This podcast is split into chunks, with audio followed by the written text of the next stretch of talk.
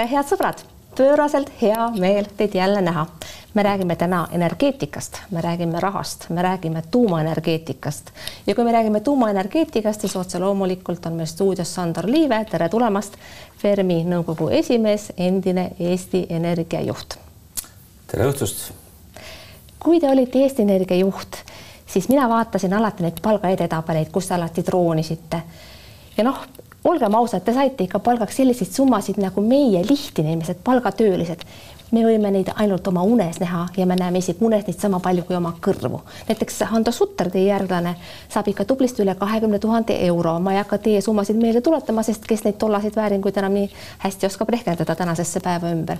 aga küsimus iseenesest oleks, kuidas teil praegu läheb, kas olete saanud era, erasektoris rikkamaks? kindlasti olete ja kui palju siis?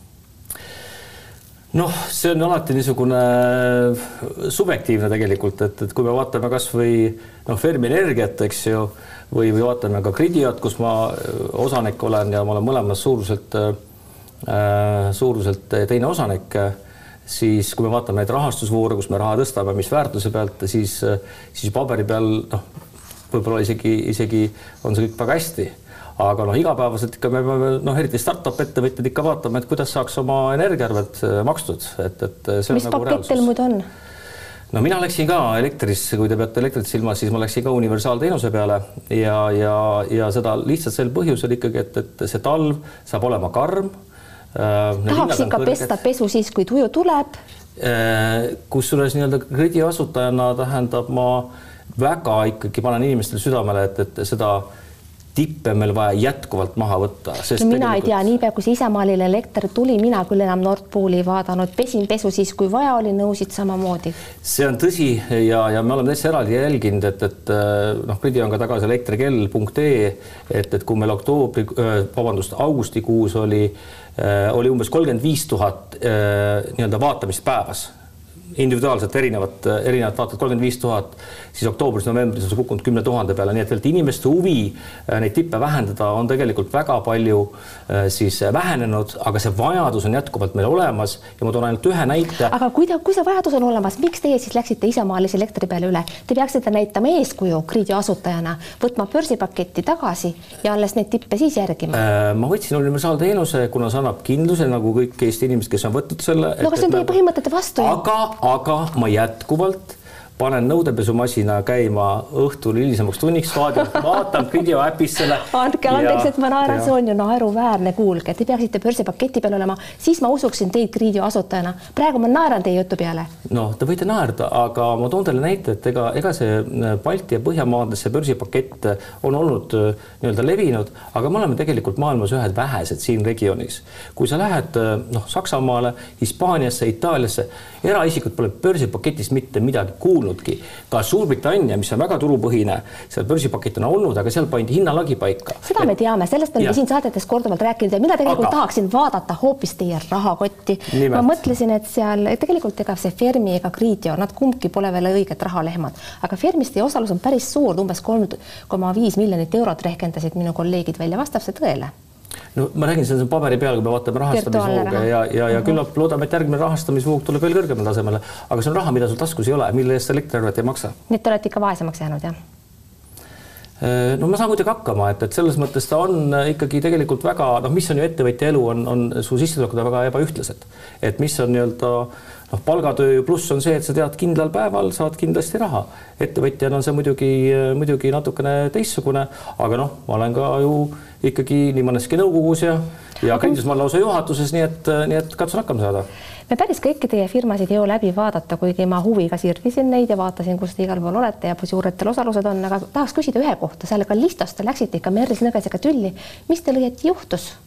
Mis mustad kassid jooksid teie vahelt läbi, olevat veel hirmus paksud olnud, nagu ma äripäevast lugesin no kindlasti oleks hea praegu kasutada võimalust ja panna, eks ju, tähendab, et, et. minu poolest võite, kui on põhjust. Äh, aga ma arvan, et ära paneme selle mõtet, et ma lihtsalt ütlen ainult seda, et, et meil on aktsionäride leping ja meil on osanike vahelised kokkulepped, mida paraku Meelis Nõgene täitnud ei ole. ja need asjad on ka praegult juba kohtus, kohtus., ma olen algatanud kolm kohtuasja. kolm lausa? just kolm Teid ootab küll siis kohus annab. ootavad, huvitavad ajad hästi.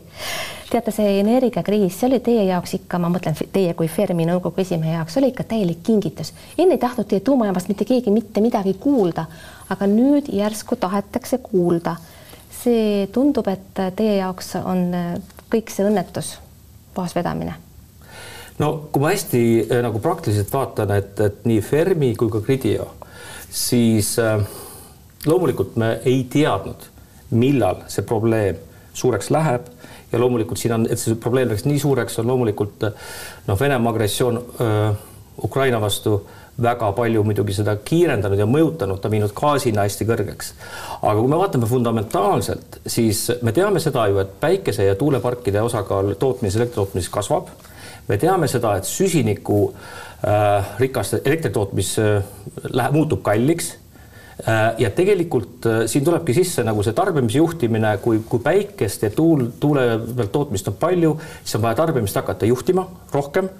ja kui CO2 rikas tootmine on kallis, siis tegelikult on vaja CO2 vaba äh, tootmist. nii et noh, selles mõttes äh, võib öelda, et, et need mõlemad nii-öelda firmad on ikkagi väga selgelt äh, Äh, asutatud selle pikaajalise trendi peal, mis on tegelikult kõigile teada millal see hind läheb kalliks tänu CO2-le? Okay,, millal okay. juhtub teine asi, seda ei osanud keegi ette, ette näha, aga ma olen teiega nõus, et see kindlasti on praegu tulnud äh, nii-öelda, see probleem on tulnud varem, kui ta oli arvata tuleb. ja teie olete kõik oma šansid juba enam-vähem metsa keeranud, kogu see letipea asi. Inimesed ütlesid juba Õhtulehe välja, et nemad ei taha teie pasatorusid sinna, nemad ei taha teie pasatorude kõrvalt, vabandust, see on tsitaat, korjata pohli, nemad tahavad korjata pohli puhtast metsast. ehk siis meil on tegemist sellise nähtusega nagu nimbi. leti peal elab selline mees nagu Enno Tammer, tema aheldab ennast teie esimese posti külge, mille te maasse rööte. mis te arvate, et seal on midagi päästa veel või? no kõigepealt on see, et, et tuumajaama asukoht ei ole valitud veel ja, ja kui väga täpne olla, siis tuumajaama asukohta ei vali Fermi Energia välja. seda valib valitsus ja seda. asukoht selgub läbi avaliku planeerimisprotsessi, see nimi on, riiklik eriplaneering ja, ja seda ei ole avalik... algatatudki veel. täpselt Just. ja sellepärast ma küsin, mis asja te rübelete seal leti peal, miks te ajate inimesi vihaseks oma pasaturudega? aga nüüd oleme täpsed, äh, mida me tahamegi teha, et siin me peaksime minema natukene noh, energeetikas suuremaks, et, et, et hästi konkreetselt. hästi konkreetselt, meil on vaja uusi elektritootmisvõimsusi ja meil ei ole aega planeerida uusi tootmisvõimsusi enam niiviisi viisteist aastat, nagu on läinud suurte meretuuleparkide äh, äh, planeerimise peale ja ühtegi neist pole tulnud. Ma ise olin Eesti Energias kaks tuhat kaheksa, kaks tuhat üheksa, kui me algatasime nii Liivi lahe äh, äh, meretuulepargi kui Tootsi. Kumbagi ei ole siiamaani olemas. meil ei ole aega Eestis energeetikas enam mökutada, sest me maksame täna juba seda hinda. vaadake, mis hind praegult on, täna on hind nelisada eurot megavatt-tund sel tunnil, kui me räägime, nelisada eurot megavatt-tund. kaks tuhat kakskümmend oli keskmine elektri hind kolmkümmend kaks eurot megavatt-tund, see on rohkem ju kui kümme korda, viisteist korda praktiliselt odavam. Meil ei ole aega mökutada. Ja mida me Fermis teemegi, on see, et me teeme samme, me sisuliselt ostame aega, me teeme mingeid uuringuid ette ära. Kas on see võimalik koht või mitte, sest Eestis ei ole võimalik mitte midagi ehitada, kui ei ole seda asukohta aga see Kalev Kallemets, ma ei tea, ma mõtlesin, et need pisut ohoo teil või mis siis on, tema ütles, et kui puurseade jõuab kohale, siis kutsume inimesed vaatama ja miks tema enne ei kutsunud, ei kutsunud sellepärast, et nii palju sahmimist oli, kõik läks meelest ära. no kuule, kui teil on selline juhatuse uh -huh. esimees, tule taevas appi, niimoodi ei saa asju ajada ju. ja Viru-Nigula vald on meil aastast kaks tuhat üheksateist olnud üks võimalikke asukohti. Letipea asub Viru-Nigula vallas teine asukoht, millest me oleme rääkinud avalikult, on Lüganuse vald. teate, üks väga huvitav asi, meil käis delegatsioon inimesi, eelmine nädal käis Olkiluotos vaatamas. seal oli üks inimene, üks naisterahvas oli, kes elab Lüganusel ja kellel on suvila leti peal ja teate, mis ta ütles? ta ütles, ärge leti peal tehke, tehke parem sinna äh, Lüganusele. no täpselt nii ei keegi teha. see on väga oluline tähendab, kohalikud inimesed kipuvad pigem toetama ja suvitajad on vastu teate, aga küsimus oli, kas see Kalle Mets on ohoo või sellised tsitaadid sellise suure asja puhul on täiesti lubamatud ma praegu ei tea, mis, mis dokumenti te tsiteerite. ma tsiteerin teile Maalehte, lugege ajakirjandust. alati peab olema ettevaatlik, mis dokumenti tsiteeritakse, et, et. ajakirjandust tsiteerin. kolossaalselt halvad tsitaadid. hästi. Räägite... aga lepime kokku ühte asja, et tuumajaama ei ole võimalik ehitada salaja ja see on meil fundamentaalne. mina ei lepi teiega milleski kokku. et, et tuumajaama ei ole võimalik ehitada salaja. mina ei lepi teiega milleski kokku, te räägite, meil pole aega. tegelikult realistlikult võttes te saate selle tuumajaama valmis kõige varasemalt vahemikus kolmkümmend seitse kuni nelikümmend. Te olete ise rääkinud küll, et kuskil kolmekümne esimesel aastal on esimene võimalus. Hando Sutter ütleb kaks tuhat nelikümmend ja eraviisiliselt räägite tegelikult ka teie Fermi energiamehed aastast kolmkümmend viis. nii et kui te räägite, et meil aega ei ole, siis olgem ausad, aega läheb teil jõle palju. Äh, kaks tuhat kolmkümmend viis oligi meie esialgne plaan, äh, kui me alustasime ja nüüd eelmise aasta novembris, kui need eh, elektrihinnad läksid väga-väga kõrgeks, siis me tegelikult vaatasime läbi oma plaanid, kuidas on võimalik siis seda eh, kiir eh, kiirendada, kogu protsessi, rääkisime läbi ka riigiga, et, et, et kui mingeid tegevusi teha paralleelselt, et on võimalik äkki kiiremini teha ja täna nii-öelda tänase teadmisega kõige esimene võimalik on aasta kaks tuhat kolmkümmend üks jõulud, kuid loomulikult see on, see eeldab, et kõik läheb väga hästi. ja kust te selle hinna võtsite, see viiskümmend viis äh, eurot megavatt-tund laest või? Te ei saa ju mm. sellise, sellise aja peale ette teada, missugused need hinnad on no,. kust te äh, võtsite selle? me oleme lähtunud sellest, mis infot on meiega tootjad, siis tehnoloogiatootjad jaganud ja see lähtub eeldusest, et üks kolmesaja megavatine tuumaelektrijaama investeerimismaksumus on üks miljard et äh, me saame viieteistkümnendal detsembril muideks kolmelt äh, tuumatehnoloogia tootjalt äh, pakkumised. ja, ja siis me oleme kindlasti targemad, et, et loomulikult arvutusi tehakse nende numbrite pealt, mis olemas on, kuid lähtudes sellest, et üks kolmesaja megavatine tuumareaktor maksab ühe miljardi eurot lähtuvalt sellest on see hind arvutatud. Te püüate jätta muljet, justkui oleks tuumaenergia odavam, aga see ei ole tõsi tuumajaamu ei ole rajatud nii vähe mitte ainult sellepärast, et nad on ohtlikud, vaid ka sellepärast, et nad ei pruugi olla konkurentsivõimelised. Teil on väike reaktor, oleks suur, siis oleks teine asi. ja takkapihta kõikide tuumajaamade ehitus on läinud kallimaks kui planeeritud, näiteks seesama Olkiluoto pidi maksma alguses kolm miljardit eurot. Te teate paremini kui mina, mis ta praegu on seniseks maksma läinud, kaksteist miljardit. ehk siis ka teie kulutate tõenäoliselt väga palju rohkem raha, kui te plaanisite ja suur osa sellest on minu, see tähendab maksumaksja oma oot-oot-oot, siin on nii palju asju ühe korraga. esiteks on see, et äh, Olkiluoto äh, on just nimelt see tuhande kuuesaja megavatine väga suur jaam, mida tõesti. aga teie võimsus on palju väiksem. jah, ja, ja, ja miks, äh, miks me räägime väiksest moodulreaktorist, esiteks on see, et Eesti on väikeriik meil ei ole vaja tuhande kuuesaja megavatist ja näete, see tuhande kuuesaja megavatisega ongi probleemid ja täna nii-öelda nii-öelda lääne tuumatööstus on liikumas väga selgelt väikeste moodulreaktorite poole. Just hiljuti ka Fortum ja Helen, mis on Helsingi linna äh, siis energiaettevõte, avalikustas oma plaani asuda rajama äh, ja uurima väikese, väikeseid moodulreaktoreid. Vattenfall, kes on üks ka Fermi investoreid, on samuti tähendab juba avaldanud ja avalikustanud, et ta plaanib ehitada väikese moodulreaktori. Poolas eraettevõtted koos Orleniga, kes on suur rafineerija, planeerivad väikest moodulreaktorit. see trend suurem ja suurem ja suurem jaam on viinud sinna, mida me näeme Olkiluotos. aga on... siis te ei pea jätma muljet, et teie väike reaktor katab puuduoleva energiavajadused aga ega me seda reaktorit vaatame ka ainult ju selleks, et ikkagi energiavajadust katta. saage aru, meil ei ole Eestis ega siin piirkonnas elektri tootmist tootmisvõimsuste suurt ülejääki aasta kaks tuhat kolmkümmend edasi. meil reaalselt on ju tegelikult puudujääk ja, ja, ja, ja me tahame samal ajal elektri, eh, elektrifitseerida kogu transpordi, elektriautod, eks ole, kõik muu. me tahame hakata tootma vesinikku veest, milleks on vaja elektrit. et, et selles mõttes, et meil tarbimine kasvab.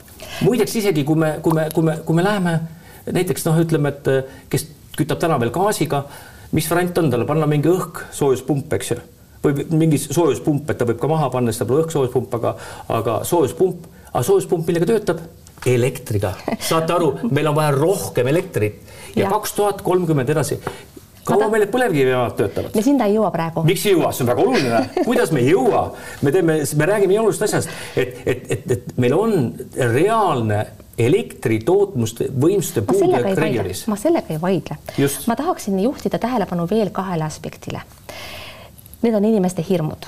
Niipea kui te ütlete tuumajaam, tuleb meelde Tšornobõl, tuleb meelde Fukushima. Ja kui juba Fukushima, siis ka Hiroshima ja Nagasaki. Ehk siis tuumajaam, jaam või tuumapomm, mis seal enam vahet on, aga need inimeste hirmud, nende maandamisega te ei ole tegelenud. Ja tõsiasjaks jääb, et tuumajaam on päriselt ka ohtlik asi.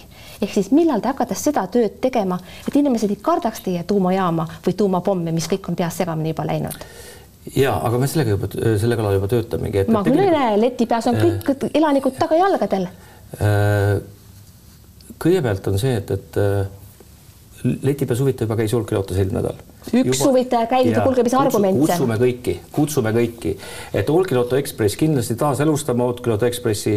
see oli omal ajal, me kasutasime noh, Eesti Energiast seda Olkiluoto Ekspressi tähendab, et, et kes ei ole tuumajaamas käinud, see kardab ja muideks te mainisite Fukushimat mina käisin seal oktoobri alguses, ma olin seal füüsiliselt kohal, ma olin seal reaktori kõrval.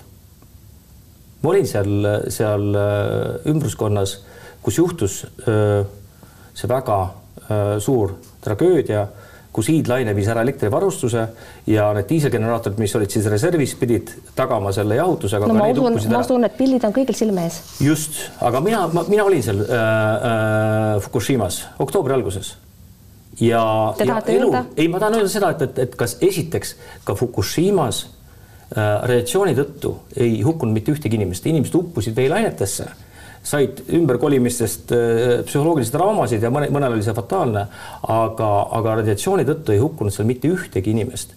Ja elu Fukushima ümber on taastunud. no sama ei saa öelda Tšornobõli kohta ja kui pidada silmas julgeoleku aspekti, siis näete ise, kui ohtlik on praegu olukord Ukrainas Zaporožias. ehk siis, kui meie satume kord sõjaliseks sihtmärgiks, siis teie tuumajaam suurendab meie julgeolekuriski veelgi. palun vaielge sellega. aga kas Zaporožias on praegult juhtunud midagi äh, radiatsiooniga, kas on mingisugune tuumaõnnetus juhtunud see? aga see oht on täiesti olemas, et juhtub, sest jaam on ju venelaste käes ma kuulsin, et nad hakkavad sealt lahkuma. no väidetavasti. aga meil on mõtet spekuleerida asjadele, milles kumbki me täpselt ei tea. üks on, mida, mida me teame mõlemad, meil on vaja elektrit, aga räägime, kust me saame elektri. ei, aga lihtne räägime, aga räägime sellest. vastu, aga ei, rääg, no, mina ei ole vastu. mina ei ole vastu, ma ei lepi teiega kokku, aga ma ei ole teie vastu. mina olen elektri mina, poolt, mina olen selle poolt, et elekter oleks, et lambid põleksid. aga mina olen selle poolt, et ka julgeolekuriskid ei suureneks. mida te selle kohta ütlete? absoluutselt, aga meil on selleks pädevad, pädevad ametkonnad, kaitseministeerium, kapo Äh, välisluureamet, nad kõik selle küsimusega tegelevad. miks te võtsite Viru-Nigula volikogu majanduskomisjoni esimehe Fermi palgale, see on ju äraostmine no kõigepealt ma olen nõukogu esimees, ma ei ole ühtegi inimest palgale võtnud. no aga väidetavalt on võetud. no aga väidetavalt on võetud, see on ju nõme, see on ju kole. Äh, ma ei oska nii-öelda, ilmselt tegeleb siis kohaliku, kohalike inimeste kommunikeerimisega inimestega. raha eest ostame õiged inimesed õigele, õigesse kohta. see on ju korruptsioon ei ole või? kui on korruptsioon, siis kindlasti kapo tegeleb sellega ma loodan tõesti ja Viru, Viru, Viru-Nigula vallas on juba pakutud ka tuumajaama talumise tasu, aga samas, samas te rõhutasite ise väga ekspressiivselt, tegelikult pole teada üldse, kas sinna tuleb see jaam ja pole üldsegi teada, kas üldse tuleb, et mis tasu te seal juba pakute? aga tuleb rääkida, et ma olen täitsa seda meelt, et, et näiteks äh, tegelikult see kohalik kasu peab olema Äh, võtame hea näite, Olkiluotos. Olkiluotos näiteks on kohalik omavalitsus äh, saab äh, seal siis väga korralikku maamaksu, maamaks on oluliselt kõrgem seal tuumajaama alusel maal ja, ja kohalikel peab olema mingisugune kasu sellest, tähendab. et ma arvan, et see on üks põhjus, see on üks põhjus, miks paljud asjad pole tegelikult Eestis juhtunud. kui ma ütlen teile ausalt. parem oleks. jah, ma ütlen teile ausalt. kui ma olin Eesti Energias siis mitte ükski suur projekt ei toimunud ilma selleta, et oleks kohalik kasu olnud. viimane suur projekt, näiteks äh, Paldiskis kaks tuhat kolmteist, viimane suur äh, tuulepark äh,, mis rajati Eestis, peale seda pole mitte ühtegi suurt tuuleparki rajatud ka seal Eesti Energia sõlmis Paldiski linnavalitsusega koostöökokkuleppe linnavalitsus võttis endale teatavaid kohustusi ja, ja Eesti Energia maksis ja jätkuvalt Enefit Green ilmselt nüüd maksab, kes täidab, äh, maksab äh, linnavalitsusele iga toodetud kilovatt-tunni pealt mingit raha. hästi, meenutame aega, kui te olite Eesti Energia juht. meenutame. sest minule tundub, et te avastasite endas riskikapitalisti juba siis, meenutagem Juutat, meenutagem Jordaaniat tahaks küsida, kas te enda meelest tollel hetkel või tollel ajal, see oli üsna pikk aeg, kui te Eesti Energiat juhtisite, mõne vea ka tegite ja kas need nimetatud äkki võib-olla olid ka pisut küsitavad? kas teate, et Jordaanias on valmis? ma kuulsin, mulle keegi kahjuks täpselt ei anna infot selle kohta millegipärast enam, eks ju, aga Jordaanias on valmis. kuidas Jutega lugu on? Jutaga, seda peate Hando Sutri käest küsima, tema on juhtinud Eesti Energiat üheksa aastat, mis ta sellega teinud on, ma ei tea. Te ei tea, aga võib-olla oskate öelda, kuidas te Hando Sutri tööd hindate, oma järeltulija pärandit?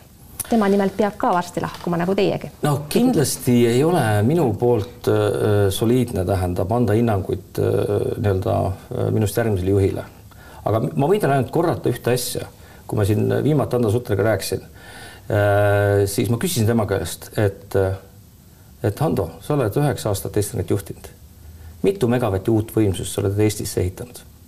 Mis oli vastus? vaikus. sellega on palju öeldud Hando Sutteri lahkumine on natuke segane, räägitakse, et ei meeldi peaministrile ja ausalt öeldes natukene segane oli ka teie lahkumine, midagi teile otseselt ette ei heidetud, aga järsku te kaotasite toetuse ja pidite oma kohalt lahkuma. kellele siis teie ei meeldinud? no äh, issand jumal, ma ikka elame ajaloos üheksa aastat möödas, ma ütlesin toona, ütlen praegu, küsige nõukogu liikmete käest, aga, aga noh, eks ma ju Estonias olin kaua ka ja ma olin ju seitse aastat finantsdirektor, üheksa aastat juhatuse esimees, eks ju. üheksa aastat on pikk aeg, aga ma pean silmas seda, et teile ei heidetud otseselt midagi ette. meenutame korraks sedasama Auvere jaama ja mulle on hakanud tunduma, et Juhan Parts, kes majandusministrina selle programmi või selle projekti läbi surus, on kuidagi nagu ajaloo käigus hakanud muutuma, siis ta sai ilgelt sõimata kogu selle asja eest ja ka teie olite vastu.